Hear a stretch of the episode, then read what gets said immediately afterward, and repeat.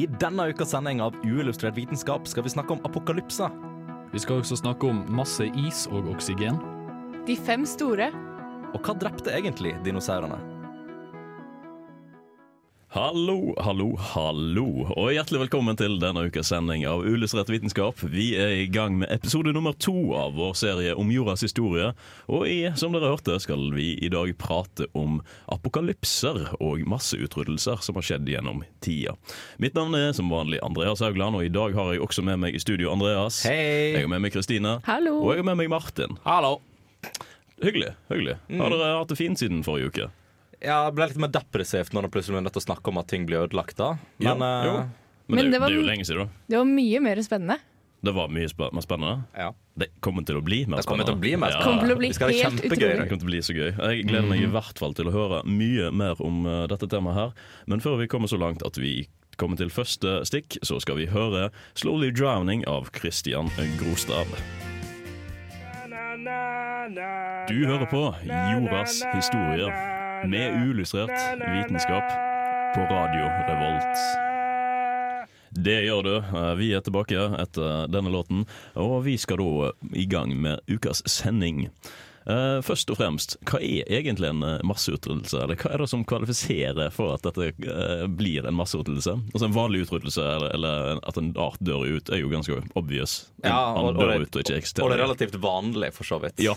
Det skjer egentlig hele tida. Eh, men en masseutryddelse, det er litt annerledes. Det er litt annerledes. Det er litt mer kjipt. Litt mer kjipt, det vil jeg også si. Altså, sånn som i hvert fall internett forteller, det, hvis en skal være så pen på språket som mulig, Ja. så er egentlig uh, en masseutryddelse en hendelse som endrer biodiversiteten. Mhm, Det var et fint ord. Ja, Veldig, veldig, fint ord. fint ord. Jeg vet ikke om det er den norske versjonen av ordet, men biodiversityen blir Ja. endra. Det biologiske mangfoldet. Oh, det Ja, var pent. Det var pent. nydelig. Men uh, ja, det blir veldig endra, og det blir gjerne endra på ekstremt kort tid. Og på en uh, geologisk uh, skala, altså på eller, ja, hele verden, eller en stor skala. Uh, det som er greia. Og det, Og altså, eh, relativt kort tid på geologisk skala er fortsatt veldig, veldig, veldig mange hundrede, kanskje millioner år. absolutt. Det må vi huske på. Ja. For det er jo ikke bare store eksplosjoner som har ført til masseutryddelser, det er også uh, klimaendringer som har gjort det tidligere. Altså at plutselig verden er enten en iskule eller blir et uh, Ja, det har ikke skjedd så mye akkurat det siste at det blir en lavakule, men uh, Det kan skje. Kanskje. Det har Hvem skjedd. vet? Hvem? Det har Det, det skjedde i starten. Kanskje det skjer igjen. Mm. Men det som er veldig altså, typisk med masseutryddelser, det er jo at de kommer såpass ujevnt. Ja. Altså det, de har, det har vært forsøk på å finne mønster i det. Typ, eh, de antar at det er en masseutryddelse hvert 26. til 30. millioner år. Mm. Det er ganske ofte. Ja, det er egentlig ganske ofte.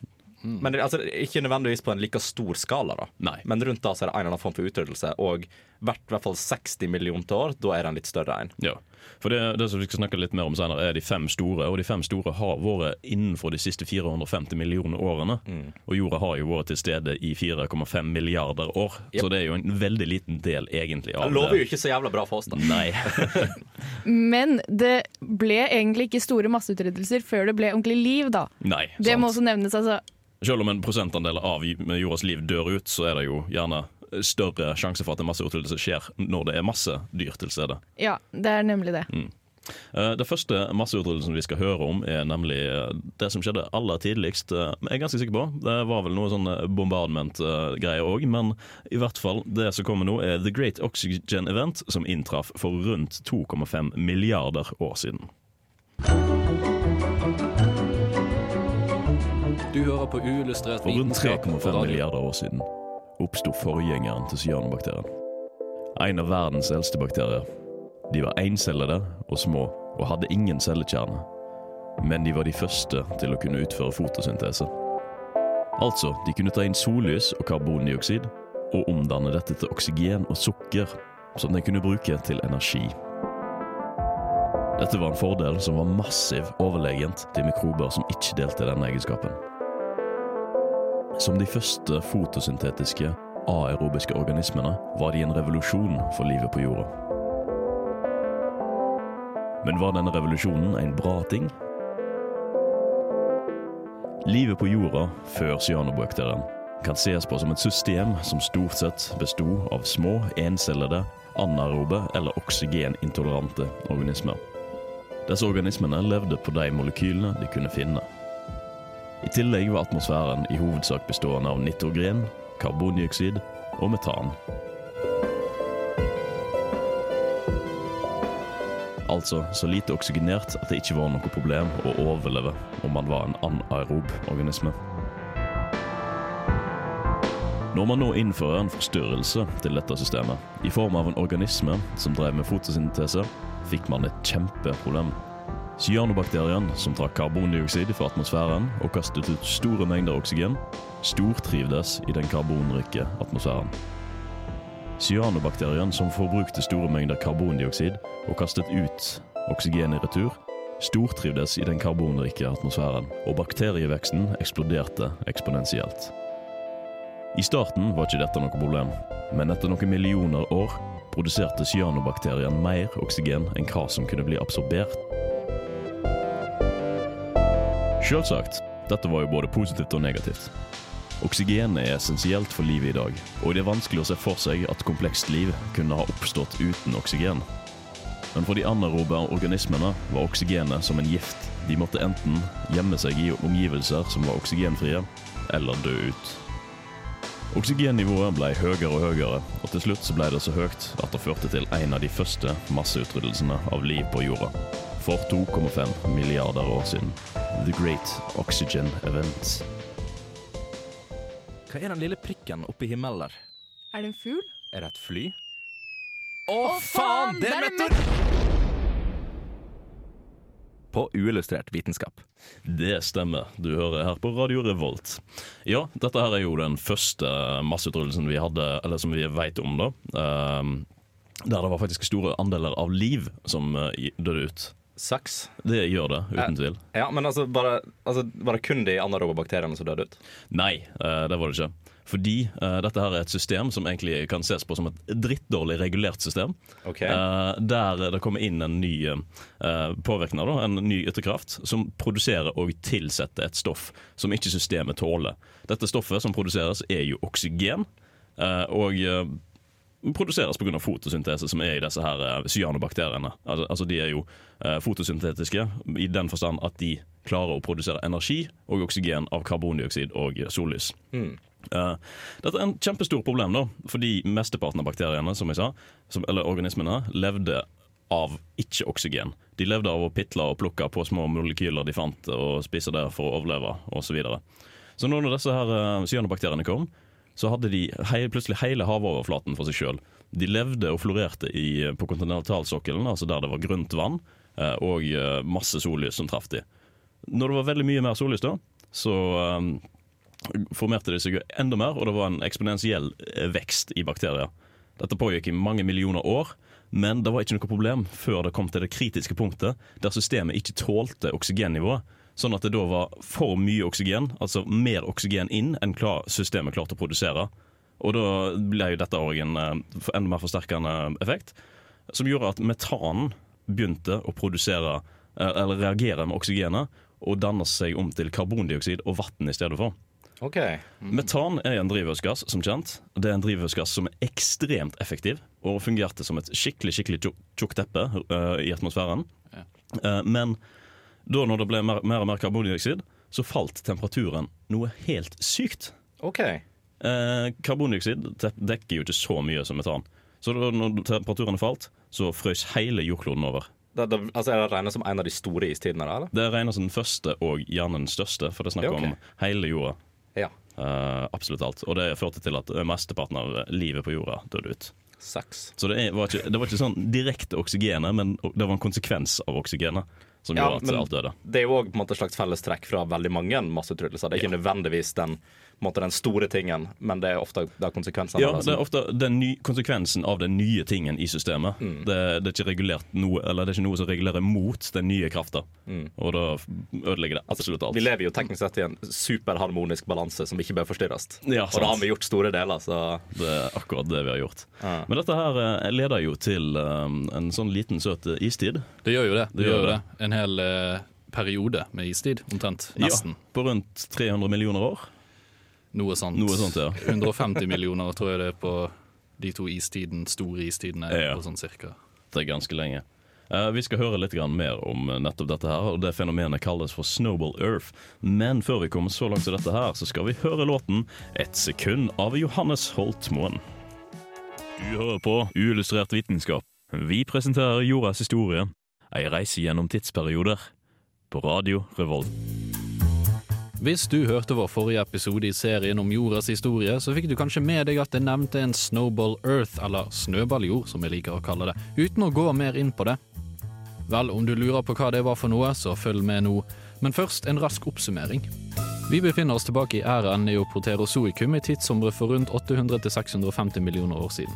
I løpet av disse drøyt 150 millioner årene inntraff to til tre store istider. Den første av disse kalles Kaigas, men pga. usikkerhet rundt dens datering og muligens eksistens havner fokuset på de to senere istidene, Sturtian-istiden og Varanger-istiden, også kjent som Marinoan-istiden. Begge disse istidene inntraff i perioden kalt kryogenium for 720-635 millioner år siden.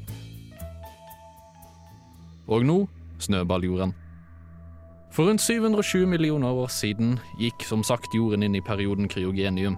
Dette var en kuldeperiode med gjennomsnittstemperatur på 5 grader celsius, 9 grader lavere enn i dag, som ledet til en lengre kuldeperiode og istider. Under denne perioden kommer hypotesen om snøballjorden, som baserer seg på at hele jorden var på ett eller flere tidspunkt helt dekket av is. Hypotesen dukket opp igjen på 1960-tallet etter funn av morener, altså sedimentære bergarter avsatt av is på Svalbard og på Grønland. Beregningene viste at disse morenene kan ha oppstått i tropiske områder. Men ikke nok med det, formasjoner av jern, flere funn av sedimentære bergarter og bruk av energibalanse brukes som bevis for hypotesen snøballjorden.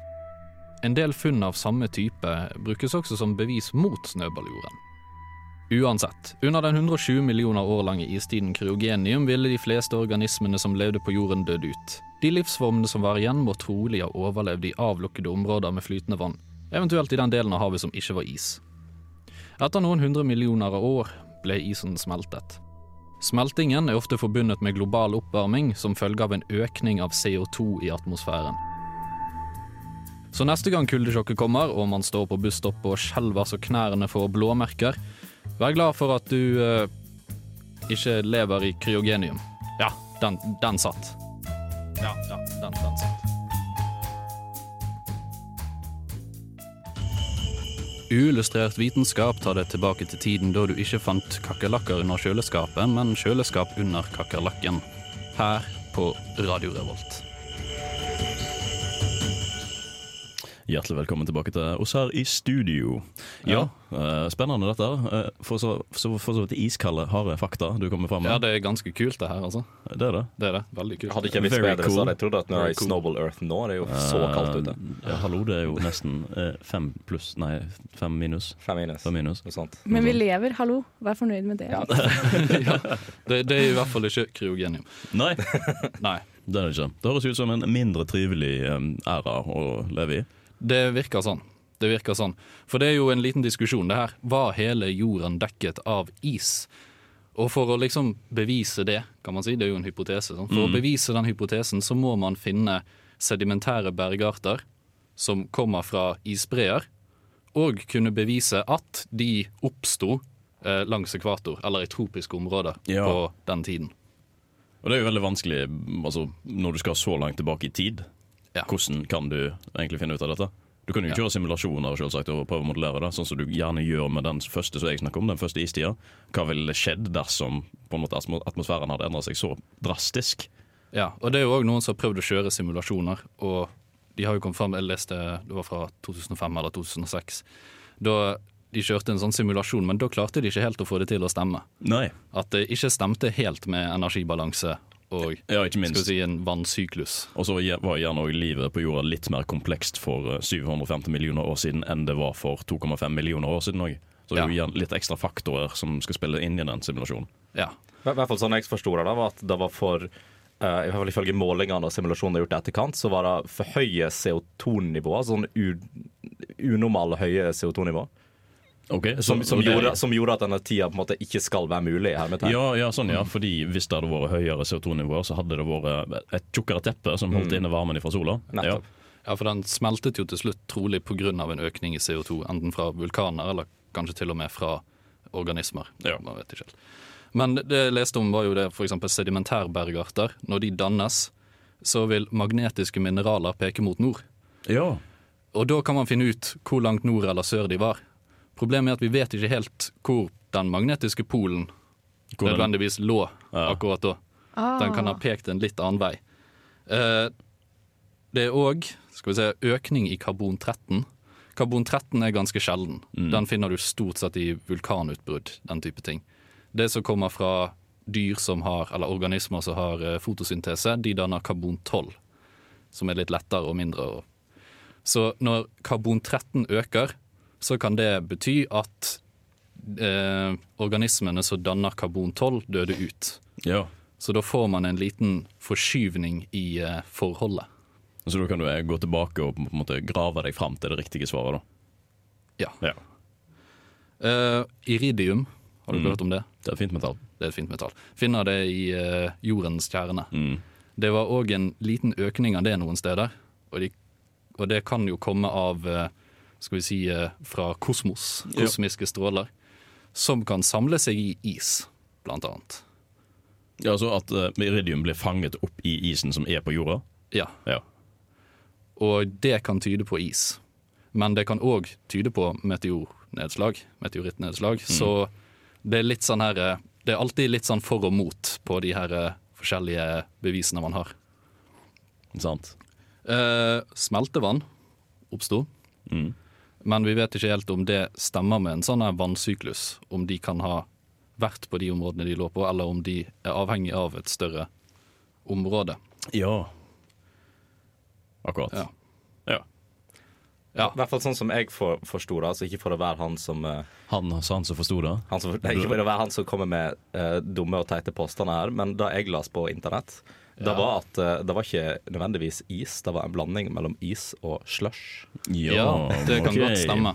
Mm, Var mm. det, hvilken smak var det? Blåbær? Solbær? uh, jeg vet ikke, men de selger samme smaken på Narvesen. De gjør det. Ja, det er bra. Det er bra.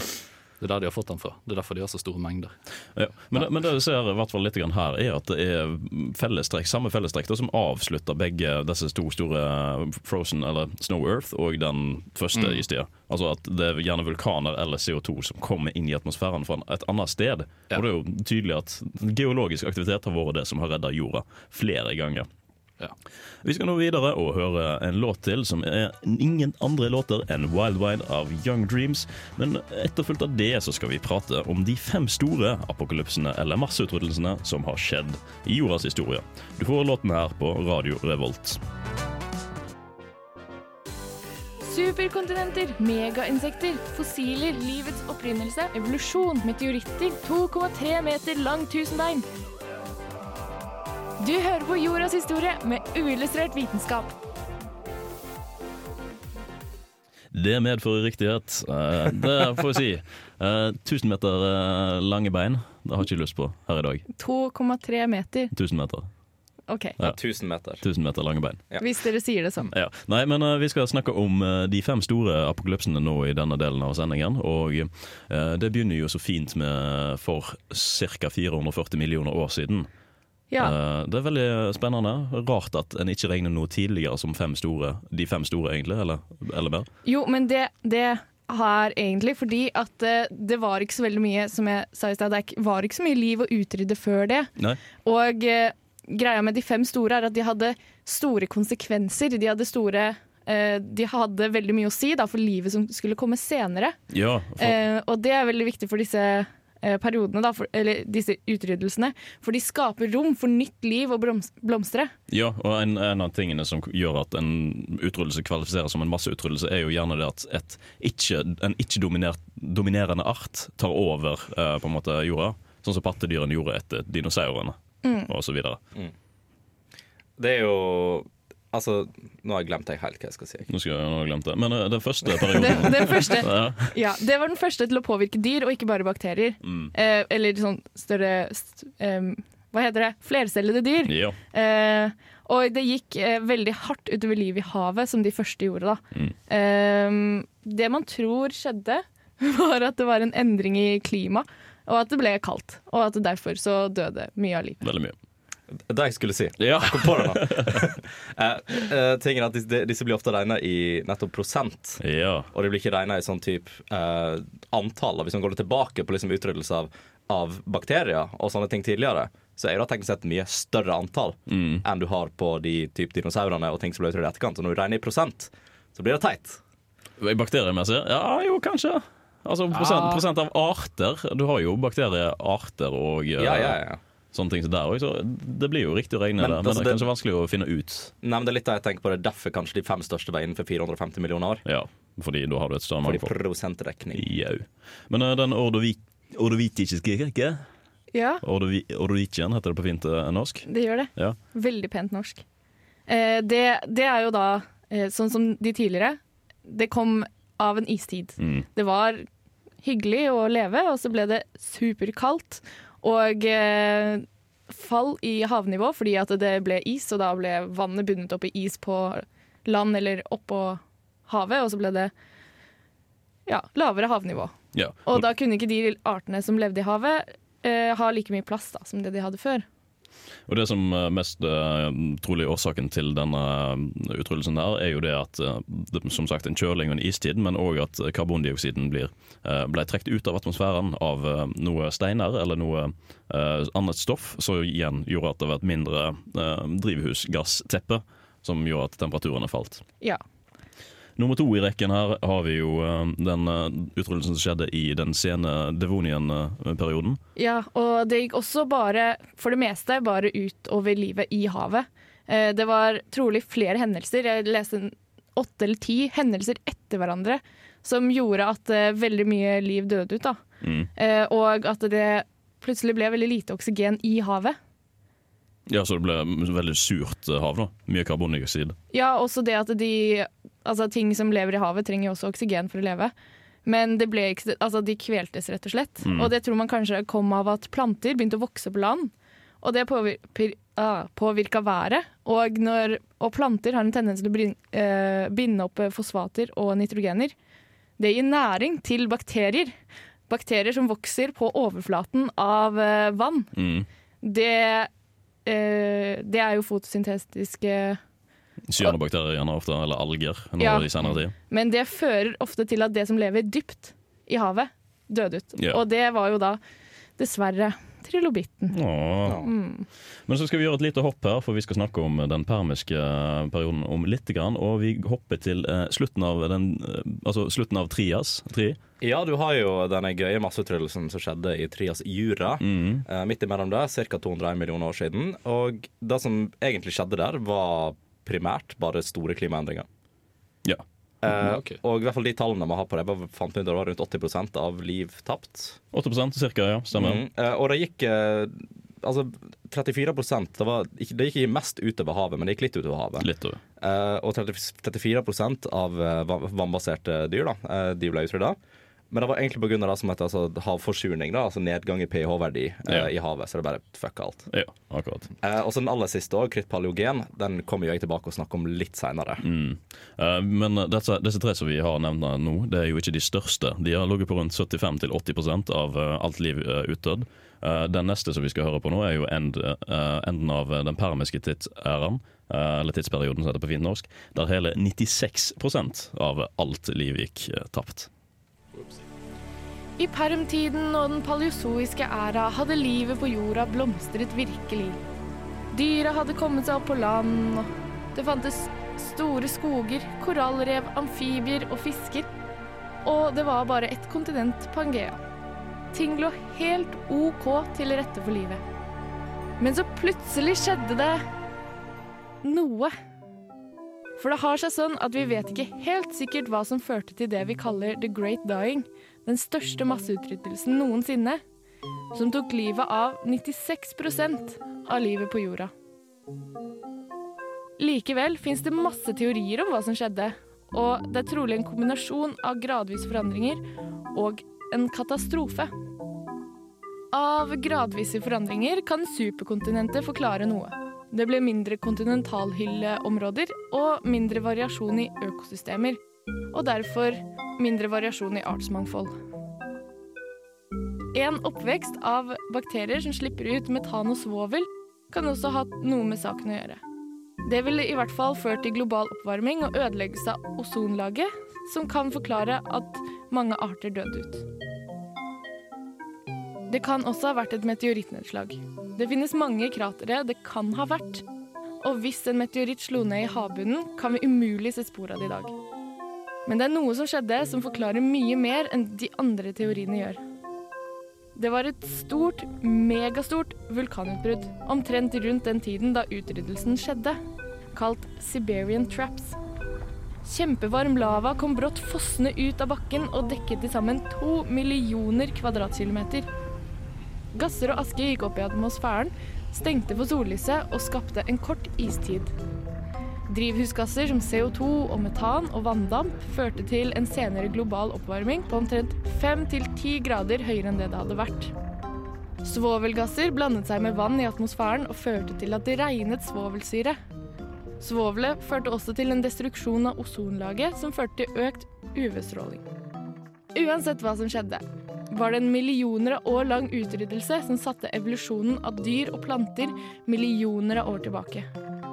Men det ga også rom for oppblomstring av dyr og planter jorda før ikke hadde sett maken til. Du hører på en uillustrert vitenskap spesialepisode. Vi dekker alt som har skjedd siden tidenes morgen, frem til tidlige morgen. Her på Radio Revolt. Det gjør vi. Dette her er jo en helt insane utryddelse. 96% av livet bare slutter å eksistere. aldri. Så, ja, sant. Eh, Det er plutselig like, nesten like ille helvete som det var under den hadiske eh, eonet. Ikke så ille, da. Men- Ikke så ille, Nei, men det var ganske ille. det- Ja, det minner om liksom, nesten de samme eh, nivåene av jævelskap. Det er sånn Du chiller helst hjemme, du gidder ikke gå ut. Nei. Ja. Det, Da går du ut og risikerer at eh, fjeset ditt regner bort. Ja. Ja. Det var fordi eh, det er jo det med den eh, vulkanutbruddet. Det forklarer jo mesteparten. Fordi eh, det teoriene for denne utryddelsen trenger å forklare, er hvorfor alle skallkledde dyr i havet døde ut. Koraller. Alle ting med sånn type karbonatskjelett. Mm. eh, som løses da opp av syre, gjerne. Eh, og hvorfor mange dyr på land døde ut. Hvorfor mange planter bare det ikke var.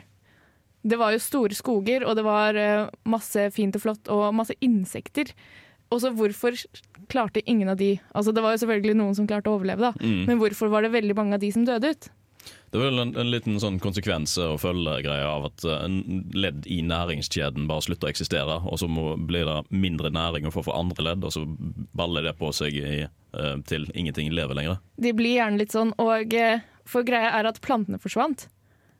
Og det var liksom Det var store trær, og neste plante man finner etter det, er buskearter. Så det betyr at noe tok livet av alle disse trærne. Og da hadde ikke dyra så veldig mye å leve på. Mm. Men også så er dette her den første kjente massedøden av insekter. Ja, men eh, første kjente, altså som i at det ikke eksisterte insekter før, eller som at eh, Altså ved de tidligere masseutryddelsene? Eller at eh, nå kunne du først datere at du hadde insekter som gikk bort? Ja, både òg. Ja, Du, ja, du hadde ikke så mye insekter før, men det, som, det har virka som veldig robuste dyr, da, insektene. Men de døde også ut eh, nå. Utrolig greit. Jeg hater veps. Det, det vet jeg. Du, altså, du er redd for humler òg. Eh, ja, jeg er redd for humler. Hva har de gjort deg? Ja, det, det Jeg er vil ikke snakke om det. Nei, jeg vil ikke snakke om det. Men tilbake til permien. Permian. Ja, det var faktisk noen som overlevde, da. Ja. Og det eh, var eh, ikke de som hadde evnen til å tåle mye oksygen, men sånn som det har vært eh, tidligere. ja. Men det var de som hadde evnen til å tåle karbondioksid. Altså det man kaller på pent hyperkapni. Altså det at det er for mye karbondioksid. Jeg måtte bare flashe litt. Flashe litt fine ord. Ja, flashe litt fine ord. Um, og eh, det som skjedde da, var at eh, senere, etter dette her, så fikk nedbryterne en skikkelig oppsving. Så det er tegn på at ting døde ut, og lå på bakken og døde, liksom. Istedenfor å bli begravd, da, sånn som trærne som ble til olje. Eh, og, eh, og at det var skikkelig varmt. At havet kan ha vært 40 grader i overflem- overflatetemperatur. Det var noe fint. Da kunne du bade.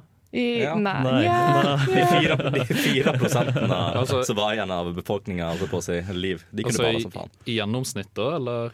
På Jeg vet ikke. på en, ja, regner på en global skala, da. Ja, altså Det vil, var jo ikke det overalt, men det kan ha vært det noen steder. Mm. Og det kan forklare hvorfor det tok så lang tid før ting skjedde igjen. For det tok utrolig lang tid for livet å komme seg igjen. da. Det å rett og slett at det, det ble at ting begynte å vokse opp igjen. Både det at det var lite planter, og at det var veldig veldig varmt en lang periode. Gjorde at det, var hardt. Mm, jeg har sett at det satte tilbake Du sa det at det satte tilbake livet veldig mange millioner år. Faktisk nesten så mye som 300 millioner år. Og det viser seg igjen òg i steiner fra rundt den tida her at det ikke viser så veldig mye spor av eh, kull, rett og slett. Eh, Eller er det karbonmateriale som gjerne kommer av eh, organiske ting som dekomponerer. Ja. Så det er jo veldig tydelig tegn på at dette her var langt tilbake. Og at, og at det at nedbryterne fikk kose seg skikkelig. Mm. For det, har man funnet, det man har funnet da, fra denne perioden, eller rett etter denne perioden, er på en måte typ sopp, bakterier, ting som lever på dødt materiale. Og så begynte ting å leve igjen, da, og da gikk de selvfølgelig tilbake igjen. Ja. Men eh, det, there is always a way. There is always a way. Det var noen som overlevde. Det var det. Mm. Jeg er litt spent på den aller siste eh, er, eller utryddelsen, jeg, som vi ikke har pratet om enda. Men før vi kommer så langt som det, så skal vi høre en låt, og det er nemlig I Wanna Dance With You Again av Band of Gold. Du får det her på Radio Revolt. Uillustrert vitenskap presenterer jordas historie. Verdensendende apokalypser på Radio Revolt.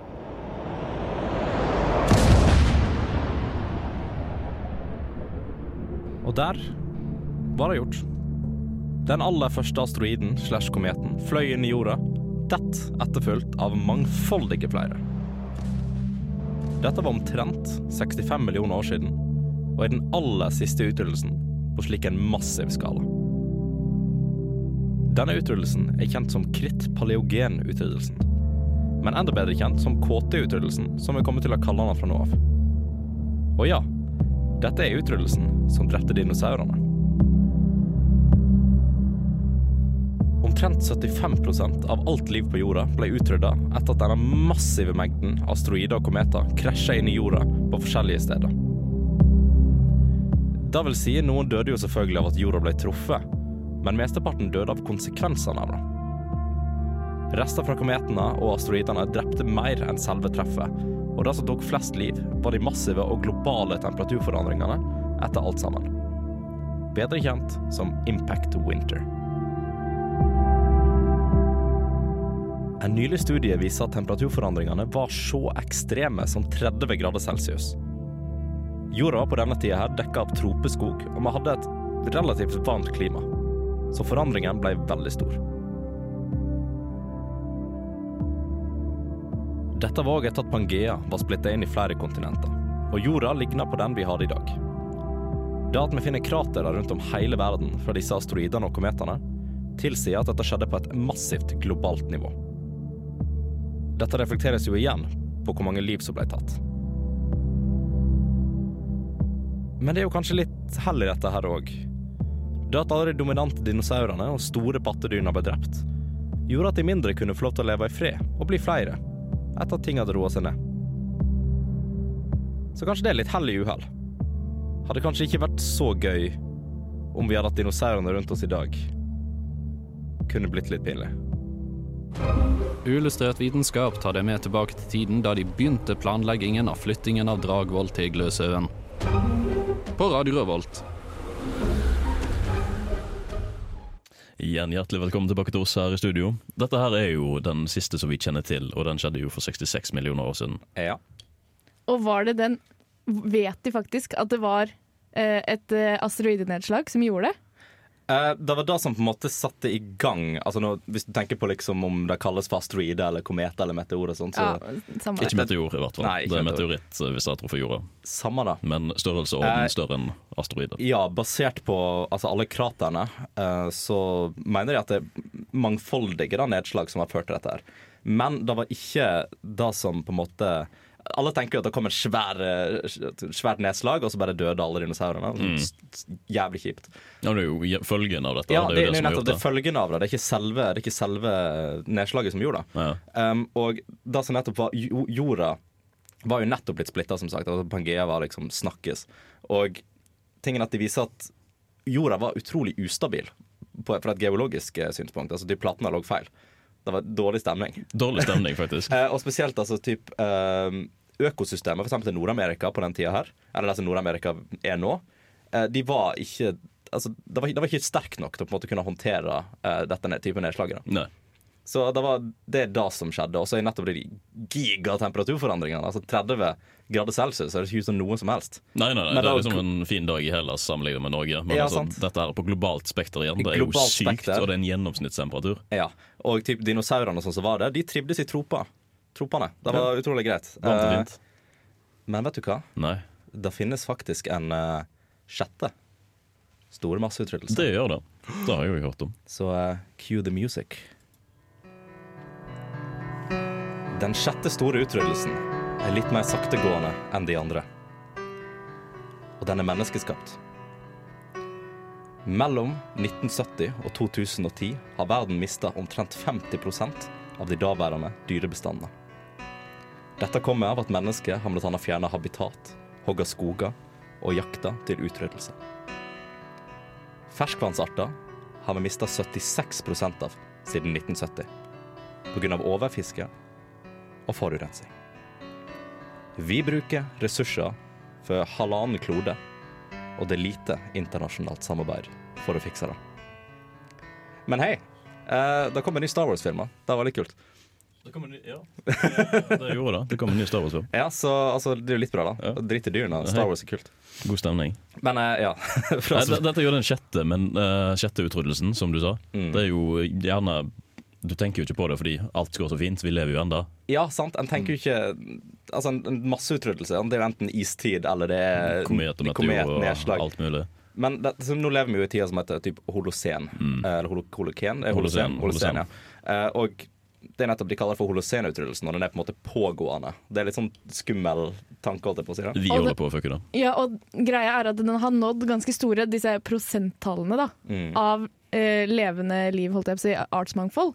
Den har jo nådd ganske, jeg har jo ikke noe tall på det selvfølgelig da, for det, sånt husker jeg ikke, men det har nådd ganske høye prosentandeler av eh, utrydning av liv som finnes. Mm. Mm. Og det er ganske urovekkende. Ja, det er ganske urovekkende. Og høyere kommer det òg til å bli hvis både temperaturen økes, selvsagt. Ja, altså Ja. Hvis det fortsetter sånn som det er nå, så vil jo på en måte, historien vil på en måte repetere seg sjøl.